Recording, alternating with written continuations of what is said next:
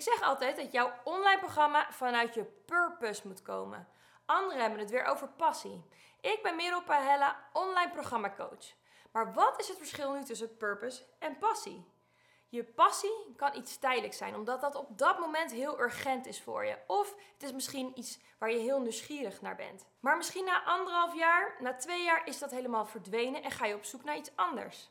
Je passie kan namelijk iets tijdelijks zijn, maar je purpose die blijft.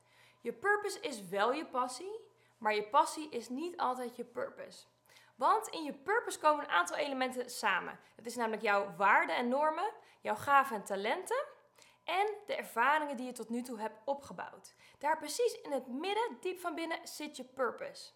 Als je een online programma maakt, dan moet je op zoek gaan naar je purpose. Dat is namelijk de constante wat in je leven blijft. Hierdoor zorg je ervoor dat je enthousiast bent over je online programma en dat dat niet na één jaar of anderhalf jaar verdwenen is.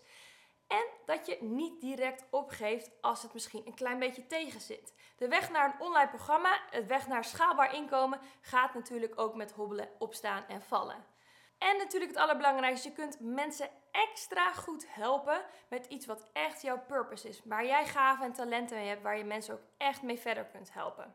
Dus ga op zoek naar je purpose voor het maken van jouw online programma.